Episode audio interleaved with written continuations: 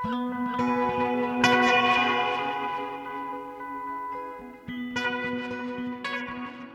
og sæl, kæru hlustendur. Ég heiti Halla Harðardóttir og heils ykkur úr hljóðstofi Víðsjár þriðudaginn 13. desember. Í þætti dagsins ætlum við að heyra í tveimur myndlistamönnum sem eru mjög ólíkir í allri sinni aðferðafræði en alveg framúskarandi í því sem að þau gera, lefi ég mér að segja. Og veltum fyrir okkur vettvangi samtíma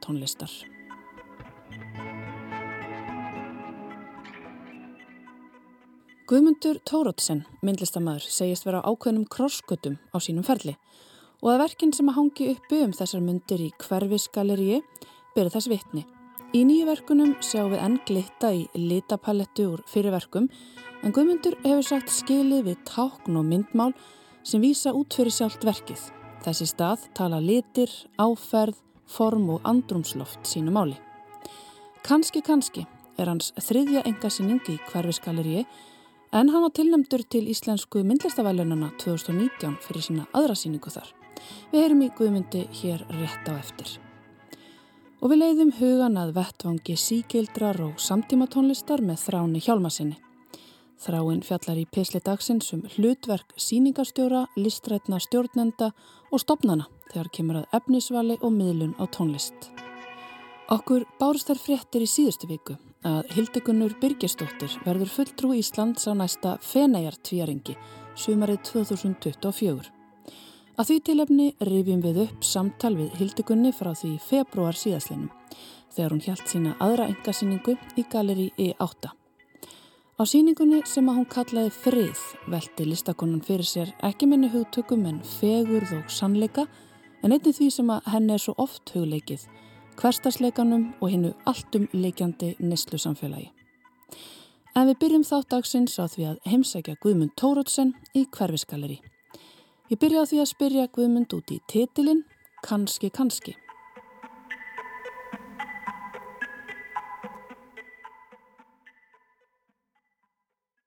Þessi titill, sko titlar á síningum hjá mér koma nú bara oft alveg á síðustu metrunum maður er eiginlega búin að setja upp síninguna eða allavega í huganum.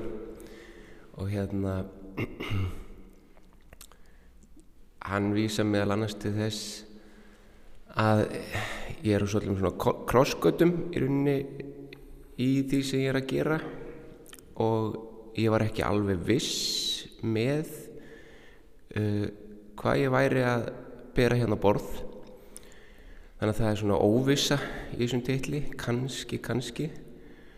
Um, svo getur þetta líka þetta er svolítið leiku með með sko mögulega myndmálið eða vöndun á myndmálinu hjá mér. Þetta er kannski þetta, kannski hitt. En sko alveg grunnurinn í þessum titli held ég að sé bara óvisa Þú talar um krossgötur, þá ertu vantilega að tala um í málverkinu. Já, já, já, það er náttúrulega fylgist að lífið og listin, þannig að jú, ég ætlum að sé það ekki líka, líka krossgötum lífinu en jú, í málverkinu. Mm -hmm. um,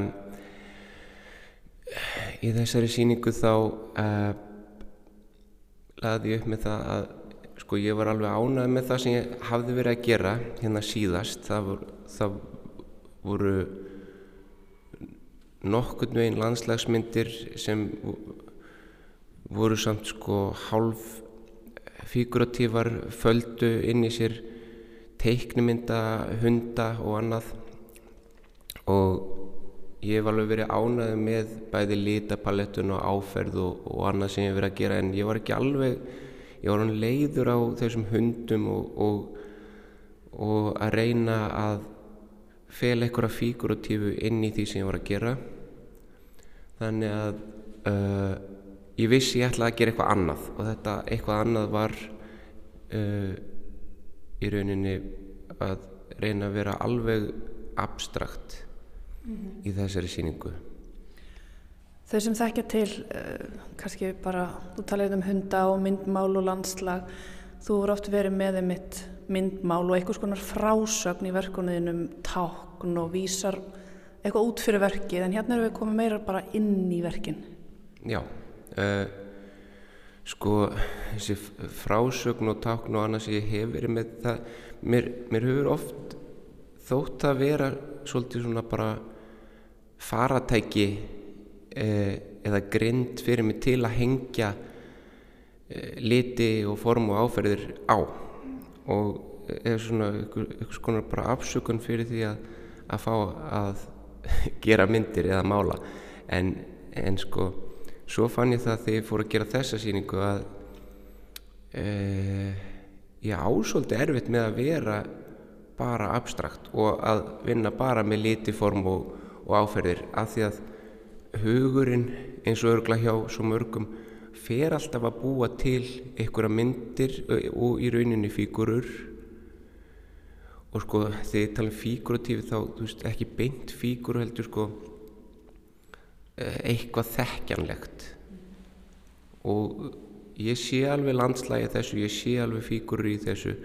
Og um leið að koma hérna fara að koma svona þekkjanlegi hlutir þá byrjar að koma einhvers konar frásögn eða saga, það er bara óhjákvæmilegt en ég, ég lagði upp með að vera ekki að vera ekki með uh, ákveðna hugmynd að sögu eða, eða fíguru eða einhverju þekkjanlegu. En það er eins og segir, uh, það er eins og hugurinn svona ósjálfátt fari að við svona reynum að finna einhvers konar sögu. Ég man bara eftir því sjálfa eftir að hafa verið lítið batn að horfa abstrakt verk og, og vera að reyna að finna bara hvað er listamæðurinn að segja, er þetta hús, er þetta manneskja, er þetta sól og, og, og svo gerir maður þetta ennþá. Ég horfi hérna á þessa fígurur og sé hérna bara górilu og fer svona ósjálfátt að ímynda mér.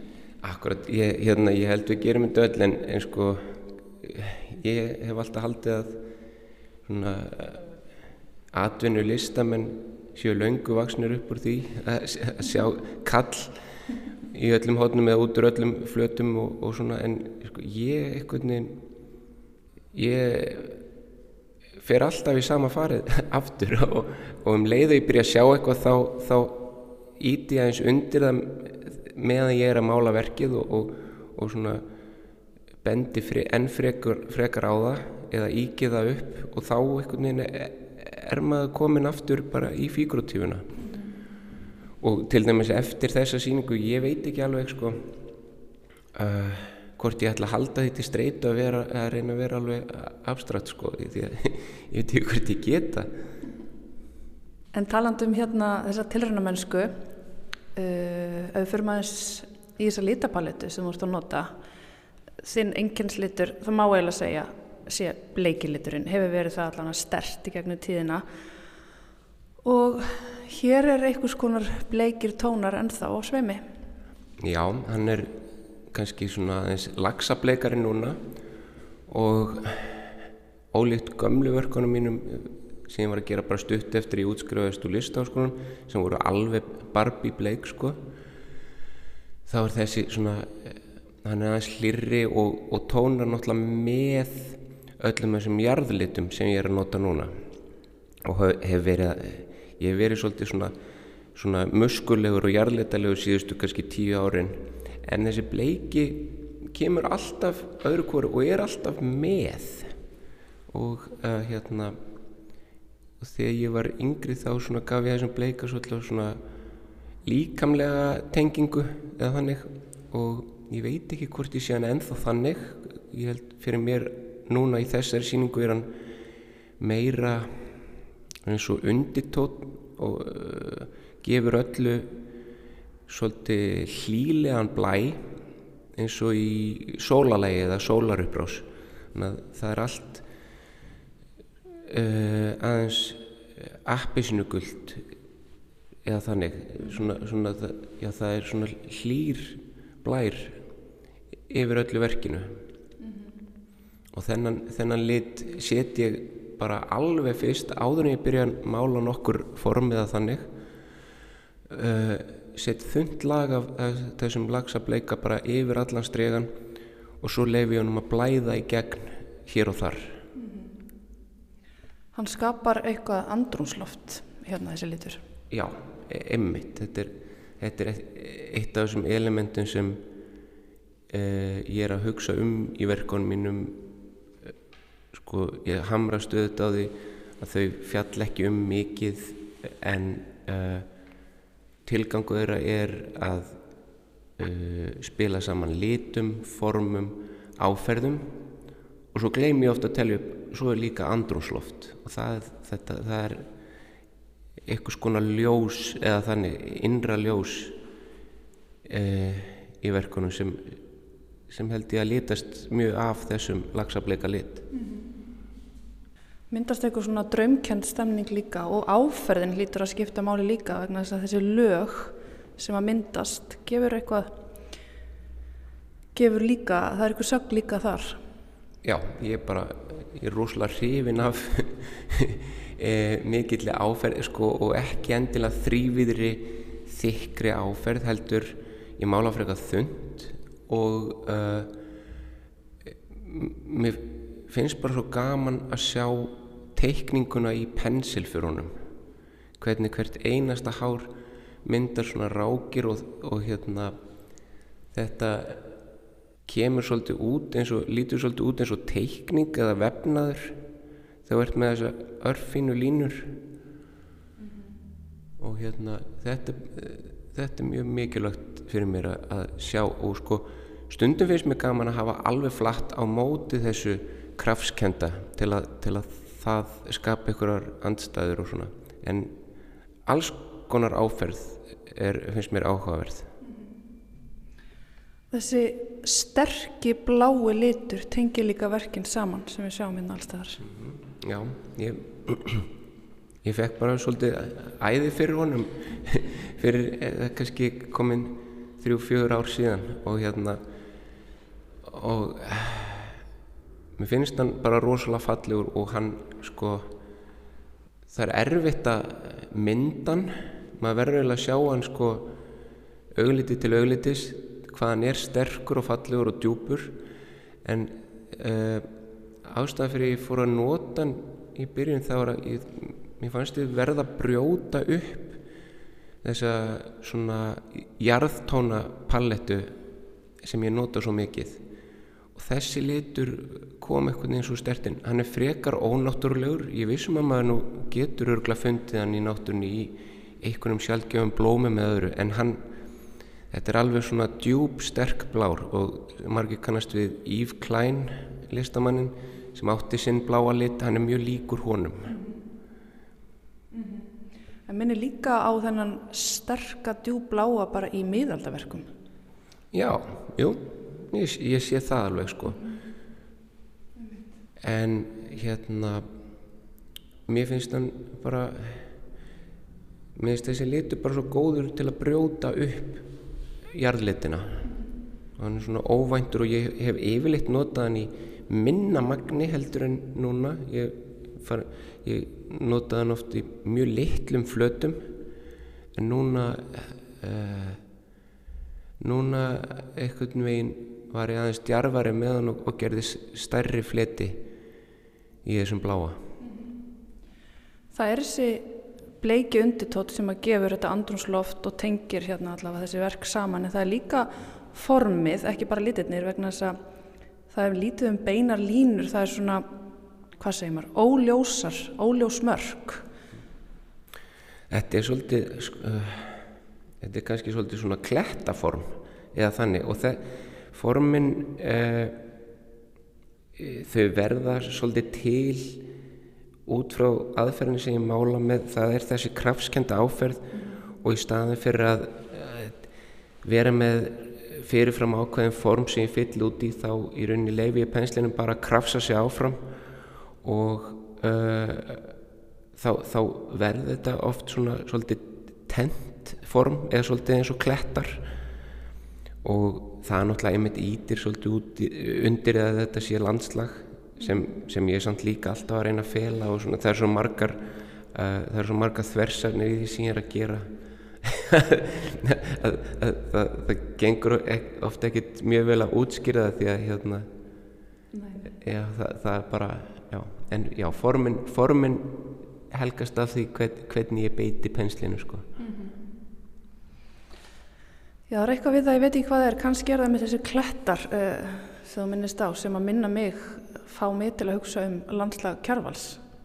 Já, um, ég er sko undir miklum áhrifin frá sænsku málara sem heitir Andreas Eriksson og, og hérna hafði svo mikið dálættu honum að ég var fann að líkjast honum sko hættulega mikið og meðal annars í þessari síningu reyndi ég að klóra mér burtu frá honum og það tókst ekki betur en svo að þetta er bara eiginlega alveg jafnlíkt eins og áður. En hérna eh, hann, Andreas þessi Eriksson hann eh, hefur sagt að hann eh, síðundi miklum áhrifum frá Kjærvall og hefur held ég komið nokkur sem til landsins til að mála Íslands landslag og svona. Og hérna já, mér minnir að hann hafi sagt það að hann, sé reyfin að kjærval og, og við náttúrulega Íslendingar þekkjum okkar kjærval svo vel og einhvern veginn sama hvað fólki finnstum hann eða hvort þó margir sjökaskjórnir þreytir á myndanum hans eða svolítið þetta er, þetta er alltaf síkild og á alltaf við og er alltaf fallegt finnst mér sko, kjárvalsmyndir Ég held að það sé ekki hægt að vera þreytur á kjárval Nei, kannski ekki, ég veit, ég veit ekki. Kannski, en, en kannski finnst fólk ekki flott lengur að, að tala um kjárval en það löngu látin mm. farin sinn veg Já uh, Guðmundur, einhvern tíma saður við mig uh, fyrir nokkrum árum held ég og vorum að tala saman þá varst að lýsa fyrir mér svona hvernig þú vinnur að þú bara byrjar á verki og það kemur til þín og svo stundum hugsaður bara eftir á hvað því þú, og, og þú varst að tala um að stundum farir að klína jáfnvel einhverju hugmyndafræði á verkið eftir á Ertu ennþá á þessum stað? Já, alveg. 100% ég, hérna, ég ræð mér mjög snemma á það ef ég ætlaði að fara að dykta upp einhverjar háleitar hugmyndir og færa þær síðan í myndverk það það var alltaf stíf, bara stíft og tilgerðarlegt og leðilegt þannig að já, ég vinn enþá þannig að ég bara byrja og, og læt verki leiða mig einhvern veginn áfram og meira og meira svona í setni tíð er ég fann að huga að uh, sjónrænum þáttum í verkinu og, og einhvern veginn að standa með því að það uh, sé það sem myndlistin snýstum fyrir mér sko. Þó að það sé ekki algilt og það sé ekki allir sem vinni þannig þá er þetta mín leið.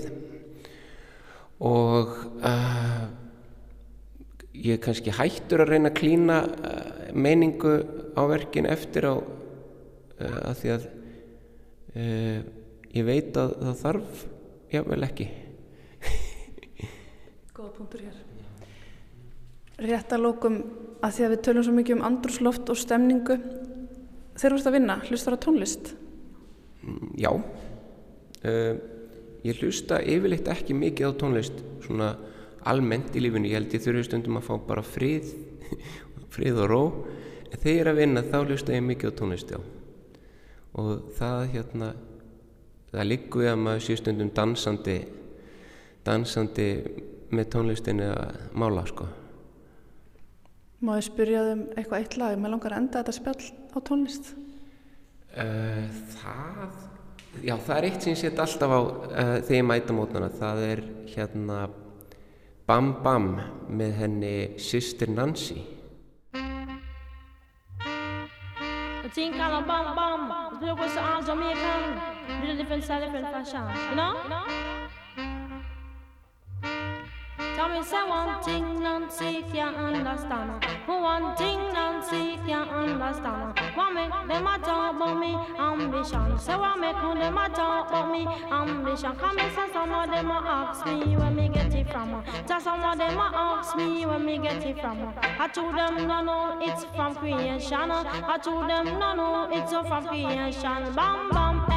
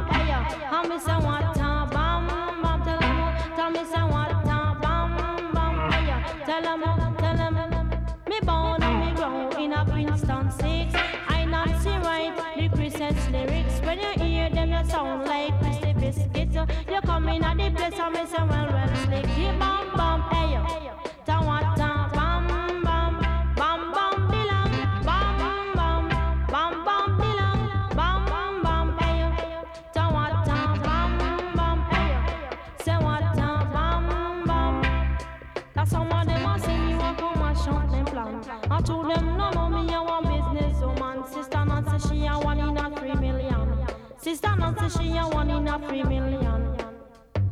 So bam bam, say what time bam bam, bam bam dilang, bam bam, bam bam dilang, bam bam hey.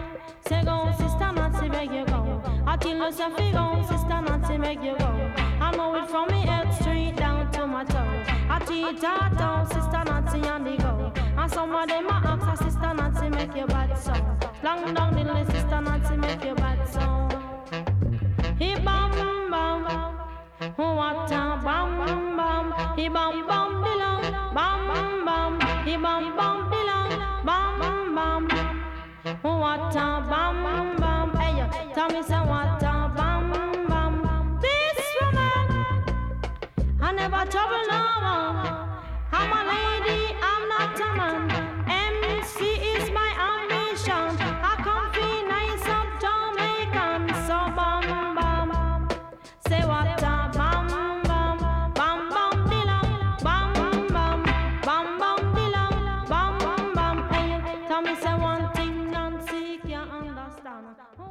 Reggi klassík frá djamaísku söngkoninni Sister Nancy, frábært lag frá 1982 og nú veitum við hvernig Guðmundur Tórótsen kemur sér í gýrin á vinnustofinni. Sýning hans Kanski Kanski stendur yfir til 7. janúar í hverfisgalleríi. En þá tekur Þráinn Hjálmarsson við. Allt hefur merkingu, ekkert hefur þýðingu. Svo hljóðaði textaverk Jónu Hlífar Halldórsdóttur, myndlistakonu, sem sínt var á nýleiri engasýningu Jónu Hlífar sem bara heiti Líking. Setningin er í senn markbrotin og óræð og býður upp á rými til tólkunar á ótal vegum. Rekin er fleigur á milli orðana merkingar annars vegar og þýðingar hins vegar, þar sem þýðing getur ímist átt við um þýðanleika frá einu formi til annars en einni staði fyrir mikilvægi. Tekstaverki tekst á látlausan hátt að kjarna megin viðfang fags síningastjórnunar, fag sem hverfist um miðlun, listar og menningar. Öll list og menning er merkingabær og má úr henni skapa ólík sambönd og tengingar við rými, samfélag, tíðaranda og hugmyndir. En það er vandasamara mál að átta sig á mikilvægi og þýðingu þeirrar merkingar í samtímanum. Þýðing tekur breytingum eftir samengi og því umhverfi og samfélagi sem áarpað er hverju sinni. Af öllum þeim mótandi öllum sem að hefla til og móta hugmyndir okkar um tónlist, yfirsést einna helst hversu veigamikil áhrif vettvangu tónlistarinnar og miðlun hennar hefur á þróun tónlistar. Að líta yfir tónlistasöguna er að mörguleiti ígildi þess að líta á horfin augnablík úr þeim samfélögum sem tónlistan á skópu.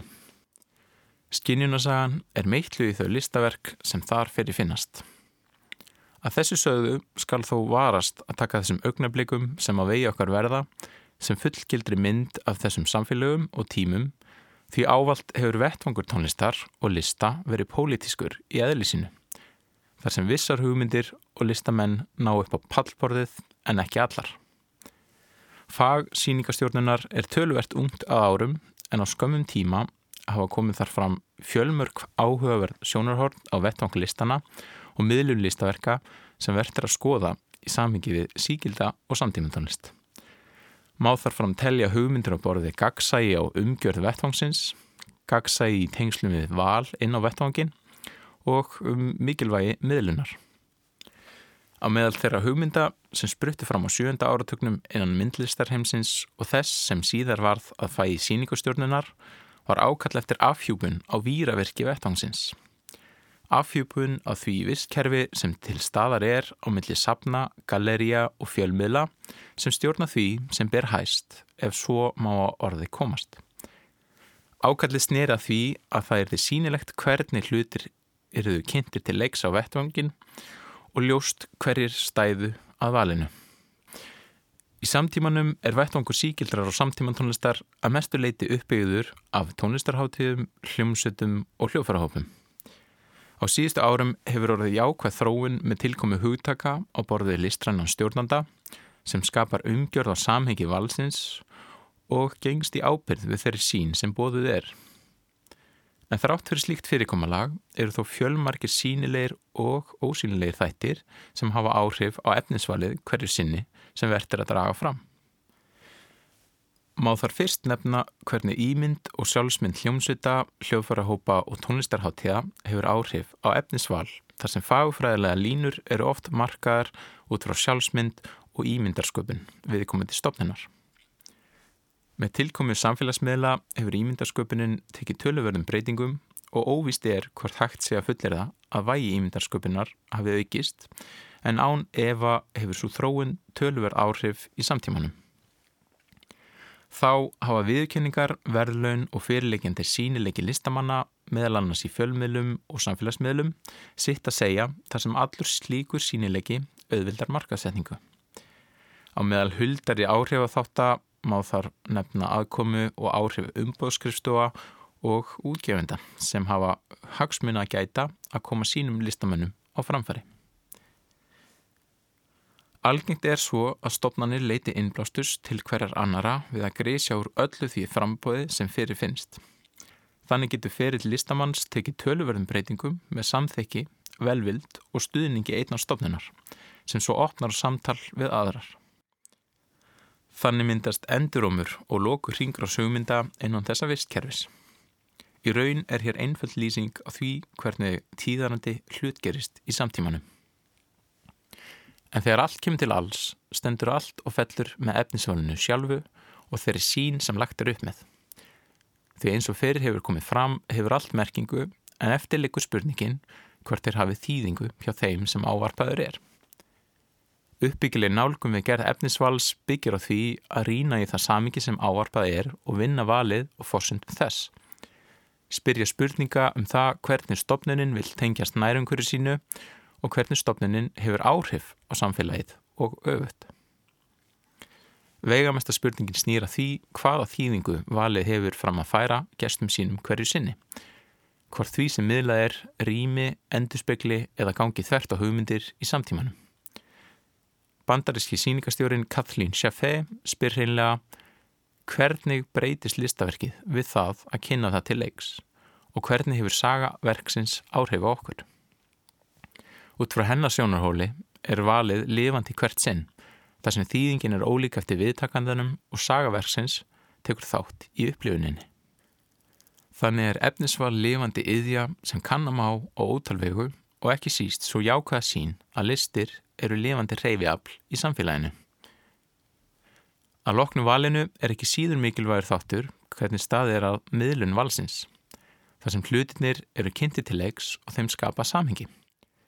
Allt frá framsetningu, segjum í síningarými, tónleikarými, tímandags og þess aftar yfir í kynningateksta og umfjallanir.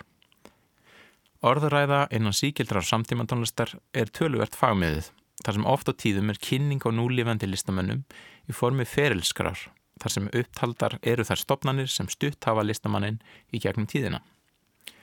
Sennilega erum að ræða eðlilega nálgun út frá markaðsjónamiðum þar sem listamenn eru orðnir að vöru sem votta þar fyrir gæðin með einföldum og haldbærum leiðum en nálgunin hefur sína neikvæðu hliðar þar sem orðræðan afmarkar markkóp út frá þekkingu.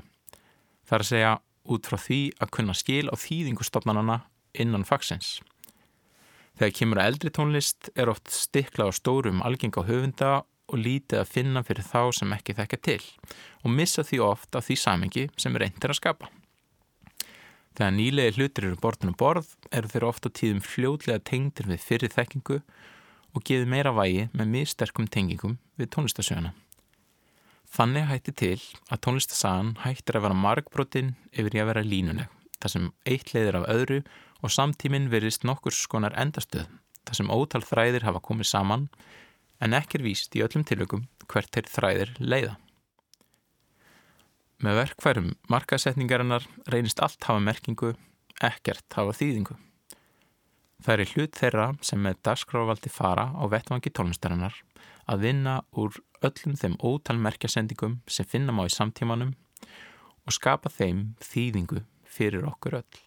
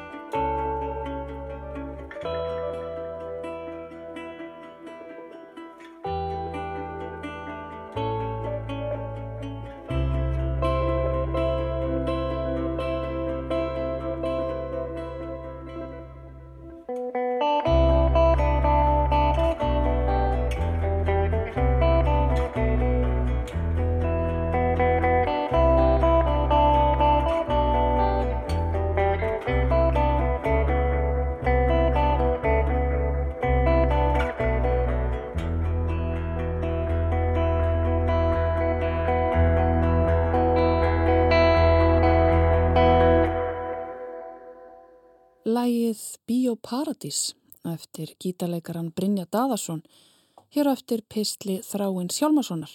Þetta lag kom út á plötu Brynjas Pretty Late í fyrra. En hann verður einmitt með tónleika í kvöld í mengi þar sem að nýtt efni verður frumflutt. En aftur að myndlistinni. Okkur bárustær fréttir í síðustu viku að Hildegunur Byrkistóttir verður fulltrú Íslands á næsta Fenejartvíaringi sumarið 2024. Að því tilefni förum við nú aftur í tíman og rifjum upp samtal við Hildegunni frá því februar síðaslinum þegar hún hjælt sína aðra engasýningu í galeri E8. Á síningunni sem að hún kallaði frið velti listakonan fyrir sér ekki minni hugtökum en fegurð og sannleika en einnig því sem að henni er oft hugleikið hverstasleikanum og hinnu alltumlíkjandi neyslu samfélagi.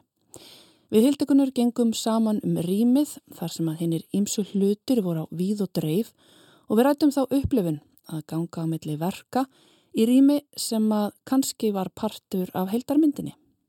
Já, allavega sko þá kannski þá er staðsetning hlutana svolítið svona krefjandi að einhverju leiti. Það er ekki mikið þetta. Ég er, svona, ég er búin að vera, það er aðal sigurinn minn í þessari síningu að vera bara með lítið uh, og ég hérna, þurfti ekki að setja neitt á alla veggina. Það var eitthvað svona sem var voðalega gott. Ég þurfti ekki að maka það út í einhverju eða búið til eitthvað ofbaslegt kerfi í kringum þessa síningu. Heldur komu verkinn svolítið til mín og er búin að vera að koma til mín bara frá því að ég hérna um, vann að síningu uh, sem að hétt Íðavöllur og var í hérna Lísafni Reykjavíkur að það var svona síning sem að ég hafði jæfnvel hugsað mér hér og í framhaldi að þá bara koma til mín þessir svona skuldurar og þessi verk.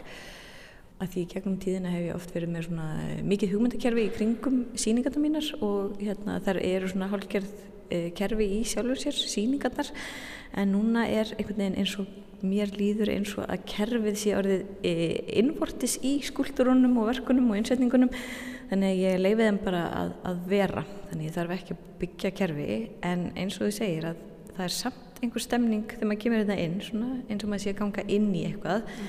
Og það held ég að sé svona bara uh, staðsetningin á hlutunum að hlutir eru ekki endilega að ganga inn í svona hefbundi listkerfi. Við erum í sko ofbóðslega hefbundum listkerfis sal, bara þessum kvítakupp en ég er svona búin að aðeins að leggja mig fram við að hérna, segja akkurat eitthvað með mjög litlu þannig að það er búin að plasera hlutum á nákvæmlega rétta staði og þá held ég að það myndist þessi hérna, svona, innsetningar uh, svona, uh, eins og maður sé um, um, um svona búin að E, umkringja sig eða ég vil ganga inn í eitthvað ástand.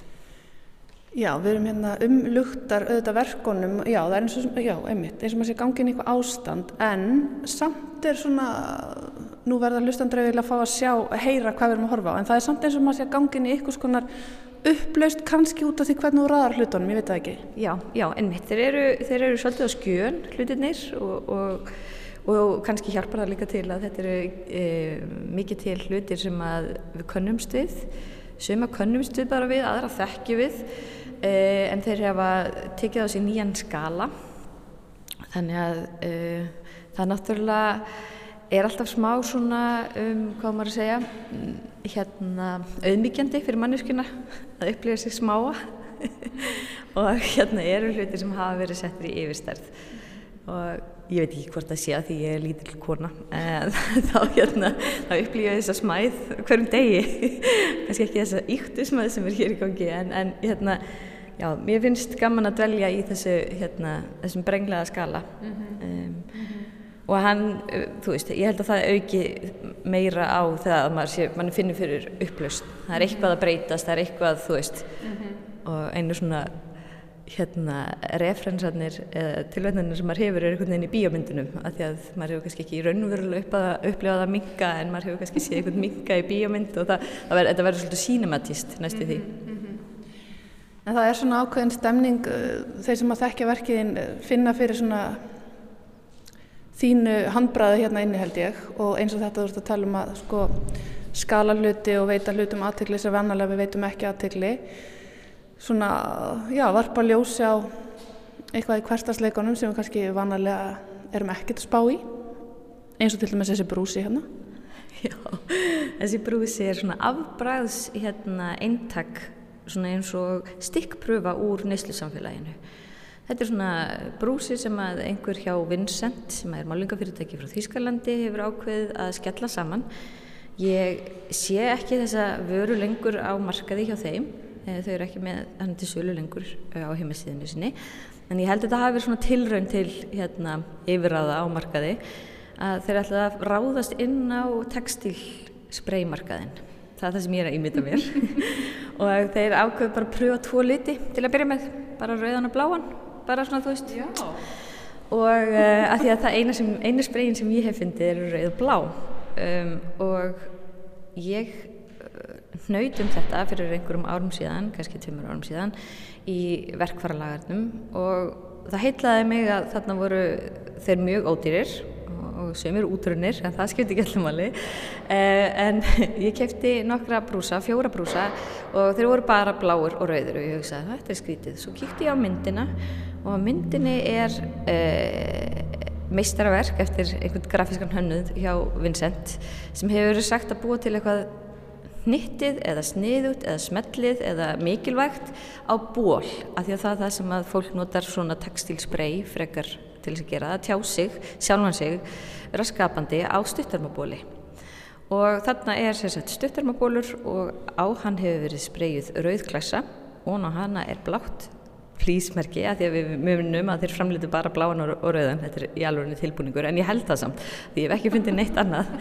Og það er akkurat blár og rauður í þessum ból og svo fyrir neðan þetta písmerki stendur síðan aftur pís bara svona til þess að áreita það. Þetta er allt skakt. Og hérna það er ekki, ekki ein bein lína í þessu og þetta er ekki alveg bólur þessi bólur hefur verið photoshopaður og hefur aldrei orðið til. Mm -hmm. Þannig ég fekk svo sterku lungun uh, að því að um, neyslu samfélagi var svona einhvern veginn að reyna að selja mér þessa vöru, þessa tilbúinu vöru um að ég gæti mögulega búið til þessa vöru bara svona sem tilhuga frá neyslu samfélaginu. Þannig ég tók þessi bóði og bara bjóð til hennan ból og hann má finna hérna á síningunni. Eitt eintak, ég reyndi, ég held ég hafi gert sex tilrunir og spreyið var alveg að klárast þannig að þetta er hérna, það er, það, það er smá Rembrandt, það er smá uník í þessum ból, hann er alveg, hann er alveg einstakur og það tók mikið til að fremlega hann og ég þurfti að anda mig inn í það að skera hann að því hann er líka skorinn eins og hann er skorinn á, á brúsunum þannig að já, ég er bara búin að vera með lífið í lúkunum síðan ég framleiti þennan ból Gaman að sjá brúsan hér og svo bólinn þarna og hér höfum við alla þessa sögu á milli. Þessi brúsi er eiginlega eins konar gullmóli.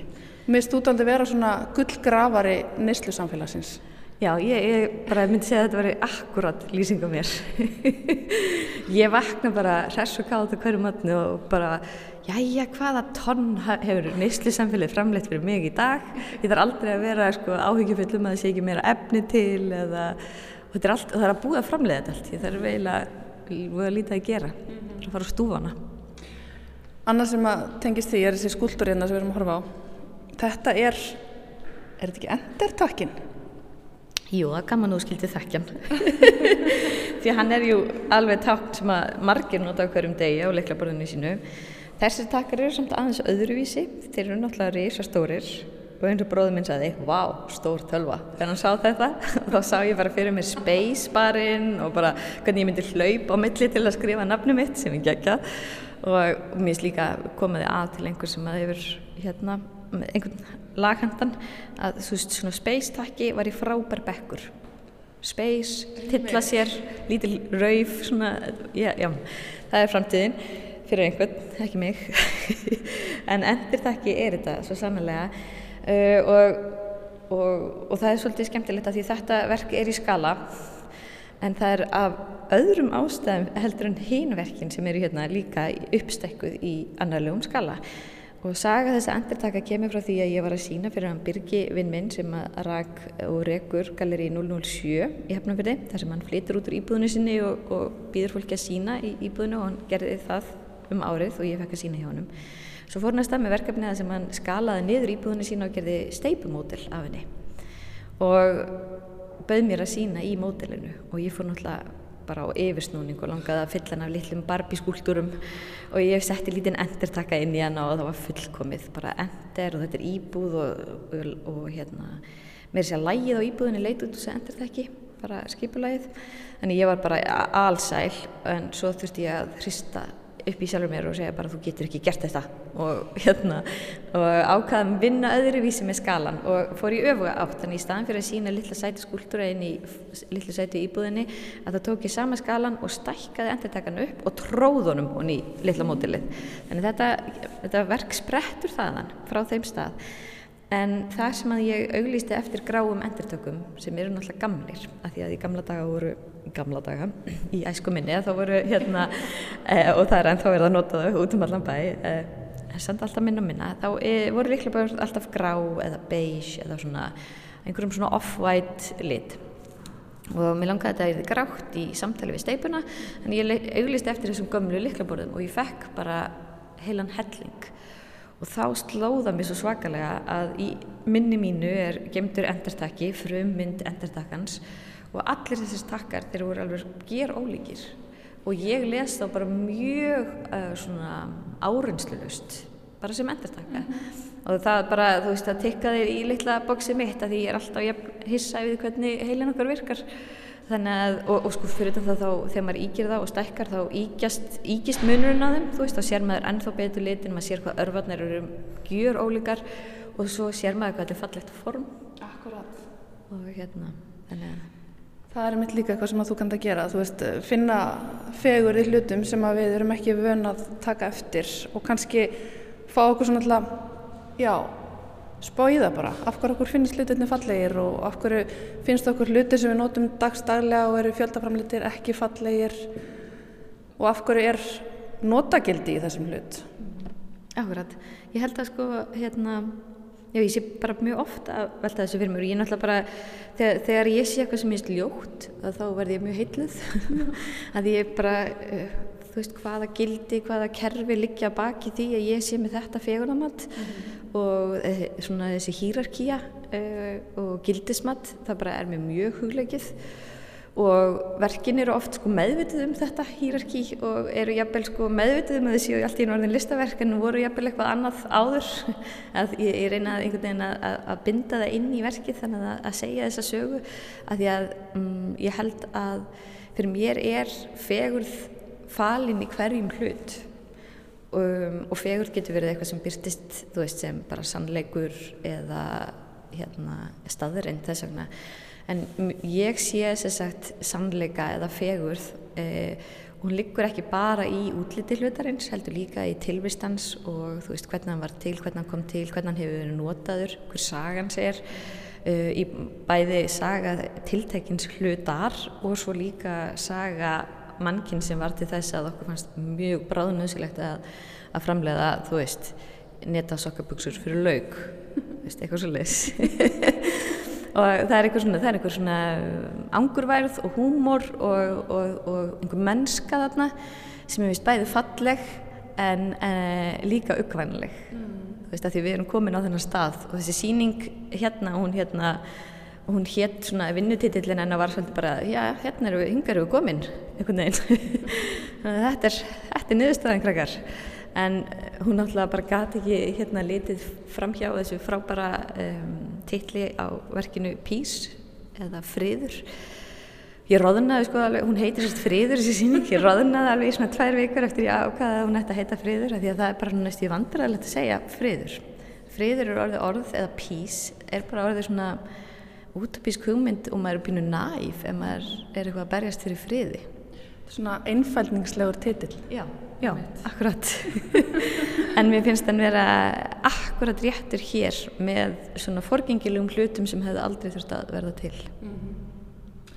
Einmitt, akkurat. Það er eitt hlutur innan sem ég langar til að staldra við áður með ljúkum þessu samtali um fegurð og neyslu. Þetta kemur líka bara neyslu samfélagið eins og við tölum um áðan við sögu í þínu verkum og svona einmitt þessari verkfákall að spyrja okkur um, um notagildi hlutana og kannski eru þeir nöðsulegir og svo framvegis, hérna eru komnar í annað hljóð og hérna stöndu við framann við derhúi. Já, einmitt. Eh, þessi derhúfa um, kom til mín af því að ég held að mér hafi bara liðið pínu svona um, af því það er líka búinlega skrítið að vera að velta fyrir sér neyslu samfélaginu og vera síðan að búa til hluti um, en mér finnst ofbúslega mikilvægt að gera þessu hluti. Ég hef ég búin að gangi gegnum hreinsunaröld, ég lendi í því einu sinna að geta ekki framleitt og ég vann mig rólega út af því sem er lungsaga um, sem á að lesa um bókinni sem ég var að gefa út. En, hérna, Já, það er sem sagt alveg ótrúlega fallið bók sem að hérna verður fagna útgafa hennar í dag líka já, með opnun. Ma margfyllt ástæð til þess að fagna. En allavega það leð mér pínulítið svona eins og uh, þessari dérhúi um, og á dýrhúinu, hún kom til mín uh, og hérna á dýrhúinu er svona ísaumuð setning á ennsku og uh, það stendur á ennsku I reflected on capitalism and all I got was this lousy t-shirt. Og það má sjá hérna vermiða, neða þetta er ekki vermiði en þetta er jú eins og vermiði með E8-merkina Já, þetta er svona, svona upprunna vattarða miði, hvaðan hann kemur myndi ég held að þetta er svona pappir sem segir þér að þetta sé E8 vara Þetta er svona lítill e, snipill með E8-logoðunu. Þetta er ekki made in China, þetta er made in E8. Þetta er made in E8, hann er öruglega gert einhver staðar. Ég veit ekki hver upprunni húunar er, ég kæfti þetta á einhverju fyrirtæki sem merkir vörur hér, hér á bæ. Þeir eru ekki golfkúluna næst, eða ég hótaði um það þegar ég náði þessa húfur. En um, já, húf, sko, þetta er einhvern veginn um, vandi okkar að við bara, ég er hérna að velta fyrir mér kapitalismannum og, og finnst ég vera komin að einhverju niðurstöðu og, og það er einhvern veginn engin niðurstöð við, við setjum í svolítið súpu mm. og um, ég held að setningin talir svolítið fyrir sig.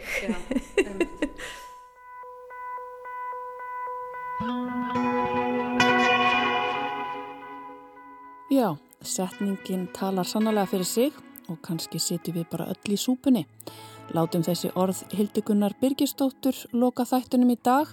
Við hér í Vísjá óskum henni innilega til hamingju. Það verður spennand að sjá hvað hún býður upp á í Fenegjum sumari 2024. Takk fyrir að hlusta og verið sæl.